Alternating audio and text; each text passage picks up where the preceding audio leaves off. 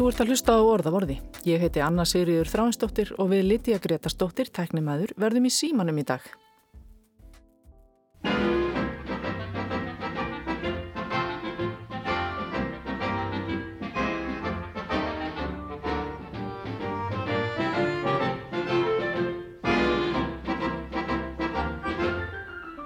Hún Bella, Bella, Bella, Bella símamær er ekki alveg Bella, Bella, Bella, símamær Hún kann á bestum hlutum skil og kallar viðtalspil. Í ástamálum gildir aðeins forgáðsrað, ég ætti best að vita það. Í fjöri jamt sem þegur allar út hún slær. Hún Bella, Bella, Bella símamær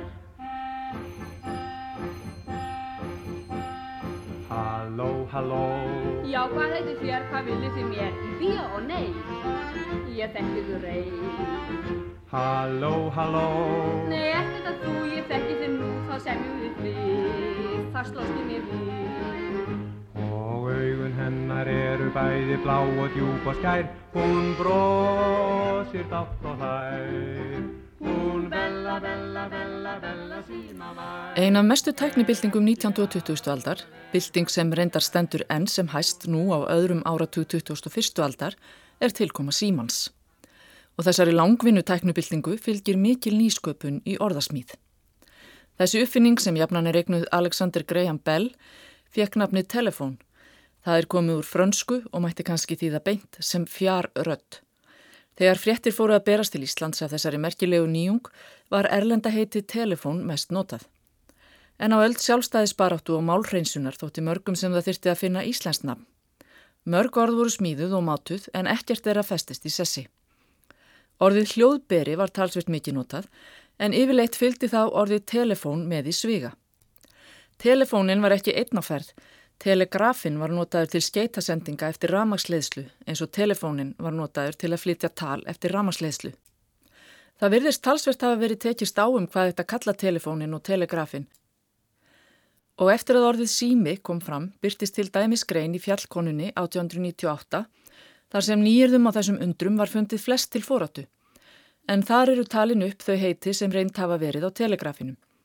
Það eru orðið svo rafsegulþráður, hraðfréttaþráður, málþráður, fréttaflegir, fréttaþráður og rittþráður. Greinar höfundur vill reyndar helst taka upp útlenda orðið telegraf eins og allar aðrir þjóðir hafa gert og eins telefón. Sem fyrr segir reyndum en svo liti fyrir sér með orðin hljóðberi og málþráður en líka orðið talþráður þegar flytja þurfti tíðindi af telefónum á nýjunda áratug 19. aldar. Í Ísafold var sagt frá því árið 1885 að á páskadag hefði verið talað með hljóðbera eða telefón millir New York og Chicago 43 ár þingmannaleiðir eða þúsund ernskar mílur. Fram að því var mesta vegalengdin 30 þingmannaleiðir eða 700 ernskar mílur.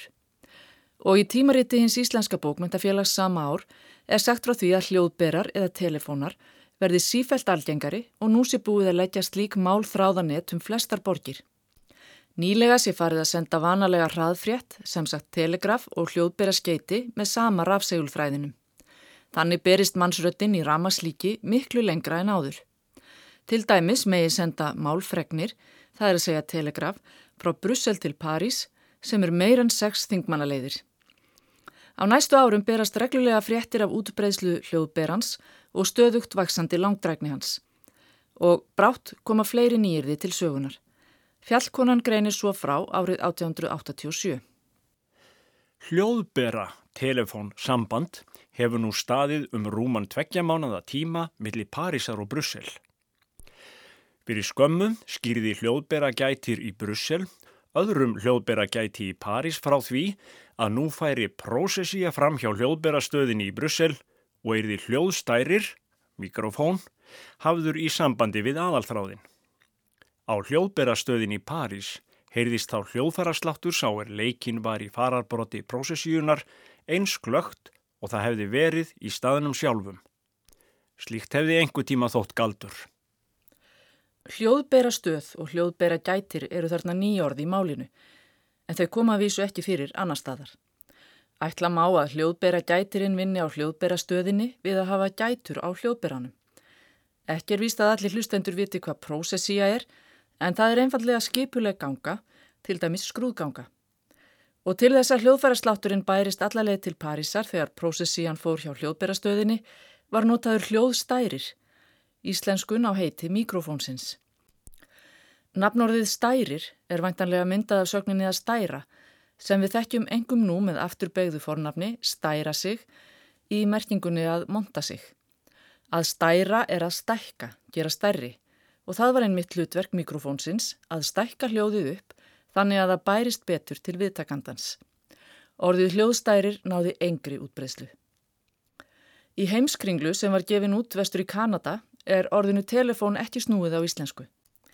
Í umfjöllun árið 1888 um það hversu góður valkostur það sé fyrir Íslendinga að flytjast þangað búrferlum er meðal annars greint frá lífsgæðunum í manni tópa. Inn í borgina líki átta hjártbrautir og ramastræðir er tengjana við öll lönd heimsins. Þar eru uppbyggðstræti og timburlögstræti, strætis hjártbrautir, lokræsi, vassveitingapípur og gasleislupípur. Þar eru átján mílur af ramasljósaþráðum og 62 ramasljós og telefónþræðir ná yfir 575 mílur og telefón í brúki eru 650. Orðið telefón er yðurlega haft í svigum til skýringar orðinu hljóðberi í fréttablöðum 19. aldar. Hljóðberin og telefónin eru meira segja saman í skrítlu í Ísafold árið 1890. Vænt er að hafa hljóðberan, telefón, að grípa til þegar manni liggur á, sagði Littli Pétur. Þarna getum maður órættur hundskammað hvaða heljarmenni sem er og þorpara þegar maður veit að það er tveggja mílnað stáltráður á milli sín og hans. Árið 1886 kemur fram orðið talþráður sem ég vikaði á eftir. 1890 er komið annað íslenskt orð yfir telefón, orðið hljómþráður. Fjallkonan greinir frá því 9. apríl að Ísfyrðingar ætli að leggja telefón, öðru nefni hljóðbera eða hljómþráð, frá Ísafyrði út í Bólungarvík. Síslunemdin hafi veitt til þess 3000 krónur úr síslusjóði en að öðru leiti beri einstakir menn ströym af kostnaðinum. Í sömu frétt er sagt frá því að tveir menn á Ísafyrði hafi nú þegar fengið sér telefón millir húsa í kaupstæðnum og óneitanlega séu Ísfyrðingar í þessu og víst fleiru á undan öðrum landsmönnum. Annar þessara tveggja manna var Ásker Áskersson kaupmaður á Ísafyrði. Þarna byrtist orði hljómþráður fyrst í fjölmiðlum en það verðist ekki hafa náð mikill í útbreyðslu.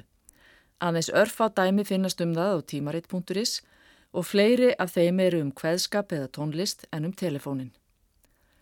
Íslendingar eru nú farnir að kalla eftir þessari tæknu nýjung eftir að hafa flutt af henni fréttir í rúman áratug eins og sjá má á áformum Ísfyrðinga. En fleiri heitjast koma upp telefón. Laugardaginn 19. apríl, aðeins tíu dögum eftir fréttina í fjallkoninni, byrtist heilsíðu grein í Ísafold eftir Jón Þórarensson, alþingismann og skólastjóra Flensborgarskólans sem vildi fá telefón milli Hafnarfjörðar og Reykjavíkur. Hann hefur greinin á því að benda á að telefónin hafi á mjög stuttum tíma rutt sér til rúms erlendis. Hann hafi marga kosti fram yfir telegrafin, sé handhægri, ódýri og umsveðaminni. Oft sé þægilegra að geta talað við mennum erindi sín en að skrifum þau. Erlendis sé hann tíðast hafður í stórbæjum milli húsa eða í stórhísum milli herbergja svo sem í verksmiðjum.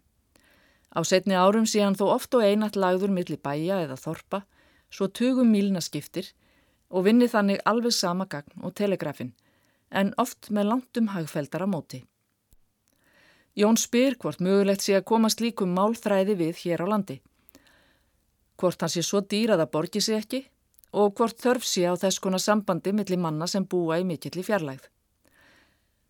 Flestir geti þó verið sammála um að allt sem létti undir viðskiptum manna sé mjög þarft og kærkomið. Hann veldur því líka fyrir sér hvaða gagn geti verið að því að lækja telefón millir Hafnarfjörðar og Reykjavíkur og svarar því sjálfur með því að greina hvaða gagn er líklegt að hafa megi af honum. Fyrsta skilirið fyrir því að telefónin sem hér um ræðir borgi sig segir hann að sé að menn geti notaðan og geri það. Það sé fyrir hendi því að hann liggi millir tveggja kaupstaða sem hafa talsvert saman að selda. Hafnverðingar þurfi til dæmis að sækja læknistjónustu til Reykjavíkur. Oft líki líka svo á læknishjálp að það geti verið lífsnöðsin að spara tíma og með telefóninu megi kalla svo til lækni að hann komi alltaf helmingi fyrr en ef sendir eftir honum. Fleiri rauk týnir Jón til sem ekki verða talin hér, en hann leggur einnig fram sundurliðaða kostnaðar áætlun. Hann hefur aflað sér upplýsinga hjá Elektrisk Búró í Kristjaníu, borginni sem nú heitir Ósló, mælt fjarlæðina, ákvarðað hæfilegt bílmiðli stöyra og reikna út vinnuleun við að setja á niður. Hann byrtir einnig áætlaðan kostnað við tvö telefónapparater til að hafa á endastöðvonum. 18.000 álnir af galvæni seriðum járnvýr, 240 stöyra, einangrun og topphettur og annað sem þarf svo að telefón millir Reykjavíkur og Hafnafjörðar geti orðið að veruleika. Hann greinir loks frá því að stopna verði hlutafélag til að leggja telefónin. Og nú verður framvindan hröð. Telefónfélag Reykjavíkur og Hafnarfjörðar er stopnað viku síðar, 27. apríl 1890. Strax skildi panta stöyra og vír og annað efni og hefjast handa. Þráðurinn skildi lagður síðar um sumarið og þá væri hægt að láta telefónin taka til starfa. Þarnir mikið talað um telefóna en orðið hljóðberi heyrist varla lengur. Jón Þórarensson nefnir að vísu orðið málþráður í greinsinni en talar annars um telefón og telefónapparött. Þjóðolfur segir frá því 17. oktober 1890 að telefónin millir Reykjavíkur og Hafnarfjörðar sé tilbúin. Hann hafi fyrst verið reyndur tveimur dögum fyrr og daginn áður hefðu margir reyndan og geti menni Reykjavík og Hafnarfjörði talast við gegnum hann eins og þeir væru hver hjá öðrum. Ekki sé ómögulegt að telefón verði lagður frá einu landshorni til annars áður en langt um líði og á þann hátt bætt mikið úr hinnum erfiðu samgöngum landsins. Enn er mest talað um telefón og lítið bólar á orðinu sími. Málþráður skýtur upp kollinum í Ísafold 1892 þar sem sagt er frá því að málþráð eða telefón eigi að leggja milli Stokkólms og Kristjaníu og þá komist Kristjaníu líka í málþráðarsamband við Gautaborg og Malmu. Ísaföld heldur sig við málþráðin þegar sagt er frá því rúmu ári síðar að málþráðartengsli séu nú komin á milli Stokkólms og Kristjaníu. Og 1894 flyttur Ísaföld stuttafrétta því að nú sé ekki lengur talið ógerlegt að leggja málþráð í sjó yfir Allandsaf. Árið 1895 skiptir Ísafold úr málþræði í talþráð. Orðið talþráður hafi reyndar komið fram nýju árum fyrr en því vex ásmegin þegar líður á lokum 19. öldar og það er notað nokkuð fram á 20. öld. Hljóðberi virðist þá fá aðra merkingu. Fyrst virðist orðið engum notað um grammofón en síðar um hljóðkerfi eða kallkerfi í húsum. Talþráðurinn er orðin áberandi þegar farið er að tala um að leggja telefón millir Reykjavíkur og Akureyrar 1895 og þá er ennþá ár í að orðið sími komist að blað. Guðrún Kvaran hefur fjallað um orðið sími á vísindavefnum og nefnir þar að í nútíma merkingu hafi orðið fyrst byrstaprenti í dansk-íslenskri orðabók eftir Jónas Jónasson frá Hrafnagili sem kom út 1896 og þá í samsetningunum talsími og ritsími og í sögninni að talsíma. Dansk-íslenska orðabókin fær raklega útreið í grein eða rittdómi sem Jón Stefansson frá Arnarvatni skrifaði 1897 í dagblæði Bjarka sem gefið var út á Seyðisfyrði og Þorstein Ellingsson rittstýrði. Jóni þykir lítið til bókarinnar koma og segir að hún sé áfall. Hann gefur lítið fyrir þau orð Björns Jónssonar í formála að það hafi verið kostað all mjög kaps að hafa þýðingar bæði fjölbreytilegar og vandaðar og að bókin eigi að vera jamt við hæfi skólapilta og allrar alþýðu og svona bregst hann við því. Úf, hm, ho, musketta, krókus, gallóna, riðill og rógastans. Það má vera að íslensku námsmönunum finnist þessi orð formálans ekki svigurmæli og að þeim verði lítið fyrir að snúa danskri tunga á móðumál sitt er þeir hafa orðabók þessa við hendina. En víst er um það að léttvæg íslenska hefði það þótt til skams tíma hjá íslenskri alþýðu sem nú þykir snjöll eða réttmætt íslenska í orðabókinni. Höfundar ganga að því vísu að mörg nýjirðin þykir ekki góð, finna enda til þess sjálfur. En þeir higgja þó betra að veifa röngu trí en öngu, þanga til einhverjum þeim hagari tekst að smíða annað betra. Svo segir í formálunum.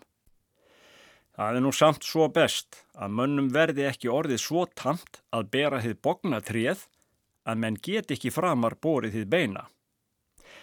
Eða hvernig fer höfundum sjálfum? Þeir get ekki notað eimskip af því gufuskip er eldra. Jábel þótt þeir get ekki neitað því að eimskip sé allt eins gott eða öllu betra. Og þesskins afbríði, eins og eimskip, telja þeir þarfleysu og ekki nema til að valda rugglingi í málinu. Þeir hafa líklega ekki gætt þess hverskins afbríði þeir byggu til í verpill og sími sem bæður alveg óþörf og þó í sinni röð einna laglegustu nýjirðin í bókinni. Víst er að Stefán hafði ekki alveg rétta tilfinningu fyrir framgangi orðsins sími sem honum þótti alveg óþart, þótt að væri svo sem ekki ólaglegt nýjirði. Upp frá þessu fer orðið sími að sjást oftar á prenti. Í austra árið 1897 er til dæmis talað um ritsíma og rattsíma. En ritsími er tæki til skeitasendinga eftir þráðum með aðstóð rafströms, telegraf. Jafnframt er þar talað um landlínu í staðin fyrir ramastráð. Og í nýjuöldinni 1898 er ekki aðeins talað um ritsíma, heldur líka bæði landsíma og sæsíma og talaði um mikilvægi þess að komast í símasamband við útlönd. Og voru menn þá farnir að takast á um það hvort sæsímin ætti að koma á land á austfjörðum eða á suðvesturhorninu. Það er skemst frá að segja að telefón var nokkuð algengara orð frá 1890 til 1910 en eftir það snar dregur úr nótkun orðsins telefón en nótkun orðsins sími tekur rísa stórt stökk fram á við. Síðan hefur nótkun þess aukist jamt og þétt og sér ekki fyrir endan á. Það má því segja að þjóðin hafi tekið nýjirðinu sími fagnandi þegar danski-íslenska orðabókin kom út, en er þetta afar vel hefnað orð. Orðið sími var reyndar ekki nýtt í málinu. Það fekk þarna nýjan búning og nýja merkingu. Í fornum máli var nafnorðið síma kórikinsorð og mertið þráður og í íslenskunni sem tölu varum aldamóti 1900 fekk það merkinguna talþráður. Vissulega er enn hægt að tala í síma um þráð en lang flest símtæki eru orðin þráðlaus og þá er jafnvel talað um þráðlausan síma sem felur í sér þversögn ef upprunalega merking orðsins sími er höfð í huga. Það er þá þráðlaus talþráður. Orðið sími er mjög virt í orðmyndun en það kalla sífeldartekniframfarir á stöðuga enduníun orðaforðans. Alltaf lifir þó orðið sími áfram. Við höfum þegar heist orðin ritsími og talsími, landsími og sæsími. Svo eru til orð eins og símalína, símadama, símstöð, símvirki, símhlerun og símahlerun, símastaur, jarðsími og símtæki, svo fátt eitt sér nefnt. Sveitasíman ættu menn líka að kannast við. Á VF Dalabygðar er skemmtilegum fjöllun frá byggðasafninu þar í sveit sem var byrt 2012 þegar hundrað ár voru frá því að símin kom í Dalina. Það er sagt frá því að árið 1912 var lagður sími eftir Laxárdal og Suðurdölum til Stikkis Holms frá brú í Hrútafyrði og um leið komst á símasamband í Dölum. En það var ekki sími á hverjum bæ, heldur voru símstöðvar í hverju sveit. Þangað var farið til að ringja, auk þess sem fólk var sótt á bæi í síman. Árið 1955 var komin sími á hvert bæ og blómatími sveitasímans rann upp. Hver bær átti sína hringingu sem var samsett úr stuttum og laungum hringingum og eins og segir á síðunni þá þurfti ekki dómsúrskurði til hlerunar. Þegar hringt var í sveitasíman heyrðist hringingin á öllum bæjum sem voru á sömu línu. Þess vegna vissu allir að það voru verið að ringja. Heyrðu jafnvel á hringingunni hver hringdi og auk þess var hægt að hlusta á öll símtölu á línunni. En nú eru tímarnir breyttir. Á sveitasímanum var sveif sem var snúið til að ringja en svo komu skífusímar og enn síðar takkasímar. En alltaf hefur orðið til nýtt símyrði ef svo má segja. Þróunin var hröð, við fengum þráðlösa síma, svo komu bílasímar, svona eins og þessi sem Ómar Ragnarsson var alltaf með í hendinni eins og skjálatösku því munið. NMT-símar, GSM-símar, farsímar, tetrasímar, gerfinhattasímar. Allt eru þetta símyrði sem hafa orðið til á síðustu 35 til 40 árum. Og ímis orð hafa komið og sum farið aftur, símskeiti, símsvari, símringing, símanúmer, símareikningur, hann hverfist aldrei, myndsími, netsími, símahulstur. Og þótt orðið sími hafi upphaflega mert talfráður, þá heldur tækið áfram að heita sími, þótt að sé orðið snjalltæki eða snjallsími, sem þarf ekki á raflínu að halda nema til þess að hlaða raflöðuna. Tengingin tapast en merkingin lifir. Svona getur málið verið skemmtilegt.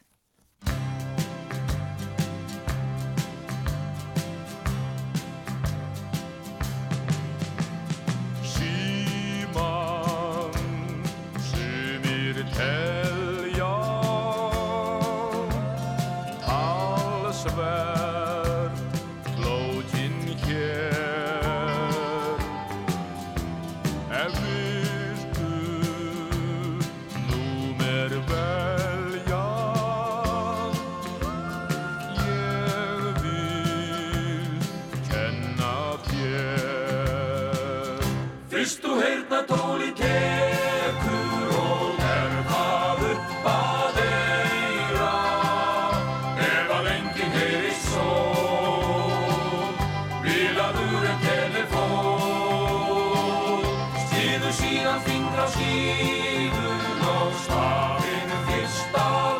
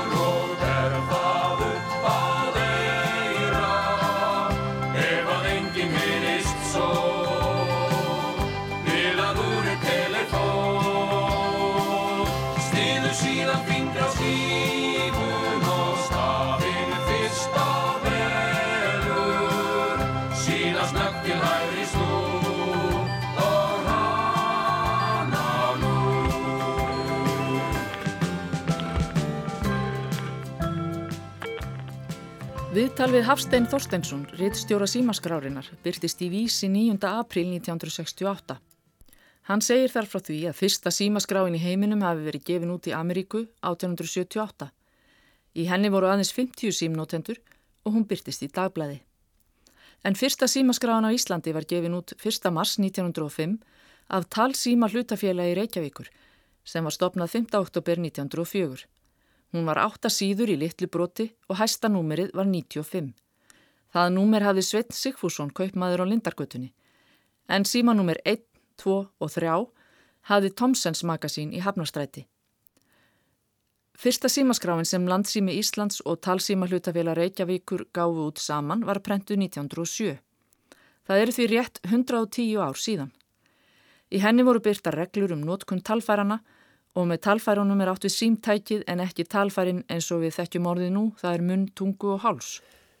Sá er ætlar að símtala, snýr ringingarsveifinni á talfæri sínu þrjá hraða snúninga. Tekur síðan máltólið af kroknum sem það hangir á, heldur því að eiranu og býður þar til er miðstöðin gegnir. Þá segir hann skýrt Talsímanúmer þess er hann vil tala við. Miðstöðin hefur eftir honum númerið og segir því næst til ef sá er númerið á er ekki á símtali við annan. Sé hann heima og heyri ringinguna, gengur hann að talfæri sínu, tekur máltólið af kroknum án þess að ringja og getur nú talið byrjað. Ef sá er númerið á, er á símtali við annan, svarar miðstöðin á tali og getur þá ekki orðið af símtali við hann í það sinn. Að loknu símtalinu hengja viðtalsmennir máltólin á krókana og snúa ringingarsveifunum tvo hraða snúninga. Menn skulu símtala í skýrum róm en ekki hærra en þeim er lægið er hæfilegt að talopið sé 2-3 þumlunga frá munni talanda, en hlustaropinu skal halda fast að eiranu. Það er engar áriðandi að menn ringi ekki oftar en til hefur verið tekið því að önnur ringing merkir jafnan að miðstöðun skuli rjúfa sambandið. Blaðamadurinn sem tók viðtaliði Hafstein er ekkert frábrúðin öðrum Íslendingum sem vilja alltaf vera bestur í heimi. Hann segir að íslenska símaskráin muni vera einn vandaðasta bók sinnar tegundar sem gefin er út í heiminum. Það muni líka vera fátítt að fleiri manns hafi atvinna að því að búa til fallegar umbúður utanum símaskrána, jafnvel þótt bandi á þeirri íslensku sé líklega það vandaðasta sem til er. og er hann þá líklega að vísa til þess að hægt var að kaupa hlýðarkápur utanum símaskrána. Í viðtalinu kemur fram að það er vandaverk að rittstýra símaskrá. Prentvillur í símaskrá séu miklu alvarlegri en prentvillur í blaði eða bók. Það viti þeir manna best sem hafa lendi í því að símanúmerið þeirra hafi rugglast í símaskráni. Sagt er frá því að maður einn hafi verið svo óheppin að númerið hans var skráð á embættismannin. Vesaling símegandin sem var sjómaður og notaði síma sára sjaldan sá sér tilneittan að fá sér sjálfvirkan símsvara sem tilkynnti að þetta væri hjá herra sjómanni en ekki hjá herra embættismanni. Til þess að komast hjá villum í símaskráni voru ránir próvarkalesarar. Með viðtalinu fylgir mynd af þeim og nöfn þeirra eru talin upp í myndateksta. Ég held að þetta sé eina skipti sem ég hef séð fulltrúa þeirra hljóðlátu og fyrirferðalitlu stjættar á mynd og undir nafni. Þarna árið 1968 var verið að taka í nótkun nýtt kerfi til að halda utanum skráninguna sem myndi stitta vinslu bókarinnar í 2-3 mánuði og alltaf vinnur tæknin með okkur. Allar leirrettingar átti þá að færa inn í apnóðum og þannig er því símaskráin alltaf til í handriti og hættan á villum myndi minka til muna. Talið berst nú að samanburði á íslensku skráni og öðrum norrannum símaskrám og þar kemur vel í ljós hvað íslenska föðurnafna hefðin hefur mikil áhrif á allt kerfið. Svíjar og Danir röðuðu í skrána eftir eftirnafni og síðan titli, en ekkert eftir skýrnarnafni. Norðmenn röðuðu eftir eftirnafni fyrst og svo skýrnarnafni. Í íslensku skráni var að sjálfsögur aðað eftir fornafni fyrst og svo eftirnafni. Símaskráin er ekki lengur gefin út á prenti, heldur er hún alfarið á netinu og hægt að uppfæra hana jafnóðum og tilkynningar berast og lagfæra villur um leiðuðar uppfærast. Við vorum í símanum í dag. Veltum fyrir okkur orðum sem hafið hafa verið um þessa sífældu tækniníjung, engum þegar við kynntum stenni fyrst undir lok 19. aldar. Við getum verið þakklátt Jónasi frá Hrafnagili fyrir að setja orðið sími í dansk-íslensku orðabókina því að annars þyrtum við að tala í hljóðbera eða talfráð. Atta Örnóls og Ólafur Brím sungu Bella símamær og Hall og Latti sungu fyrir okkar leifinningar um notkun síma í læginu símin. Lesari í þættinum var Leifur Haugsson og teknimaður var Ragnar Gunnarsson. Við ljúkum þessu á spilverki þjóðana sem syngur um hana landsímalínu, veriði sæl.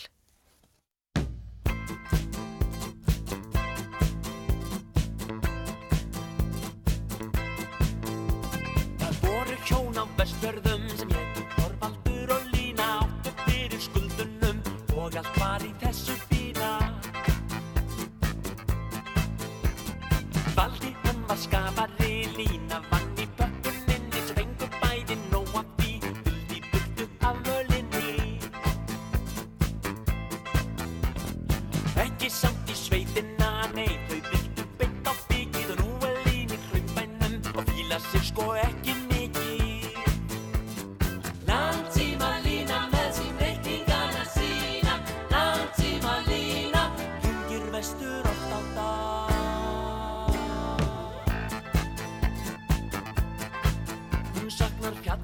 og kallana við hjallana sem voru alltaf að skjallana. Fuglana og bátana, við kvennana og allra tíu drópana